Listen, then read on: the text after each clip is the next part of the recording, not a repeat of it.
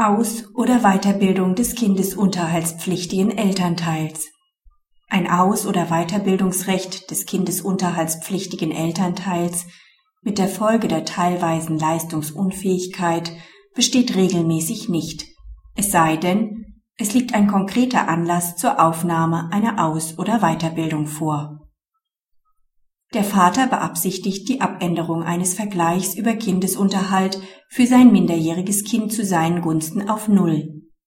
Nach eigenem Vortrag wurde ihm betriebsbedingt gekündigt. Er war als Berufskraftfahrer tätig. Über eine Berufsausbildung verfügt er nicht. Nach zwischenzeitlicher Arbeitsunfähigkeit wegen Krankheit bezog er zuletzt Arbeitslosengeld II. Für die beabsichtigte Abänderung beantragt er Prozesskostenhilfe. Das Amtsgericht verweigert ihm diese. Der Vater habe im Rahmen seiner gesteigerten Erwerbsobliegenheit nicht alles getan, um eine Arbeit zu erlangen. Die Beschwerde begründet der Vater damit, dass er wegen einer Eignungsfeststellung als Berufskraftfahrer, die er sowohl in der Theorie als auch in der Praxisphase absolvieren muss, einen Zeitaufwand von 12 bis 13 Stunden täglich einschließlich Hausaufgaben und Nachbearbeitung für einen Zeitraum von insgesamt über zwei Jahren habe. Daneben könne er nicht arbeiten. Das Oberlandesgericht weist die Beschwerde zurück. Dem Vater ist ein fiktives Einkommen zuzurechnen.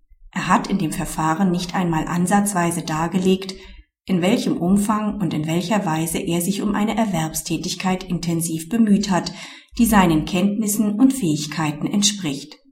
Dies muss er tun, um sich auf seine Leistungsunfähigkeit berufen zu können.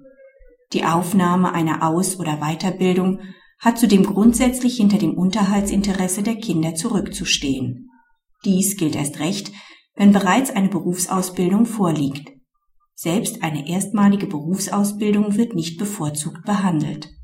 Zwar ist es möglich, dass die Erlangung einer erstmaligen Berufsausbildung dem Interesse der Kinder an einer sofortigen Unterhaltszahlung vorgeht.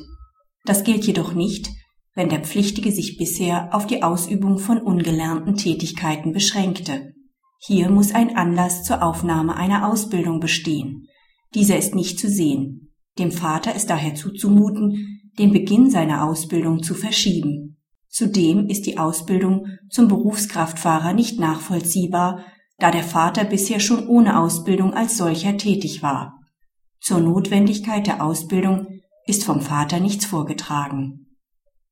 Praxishinweis.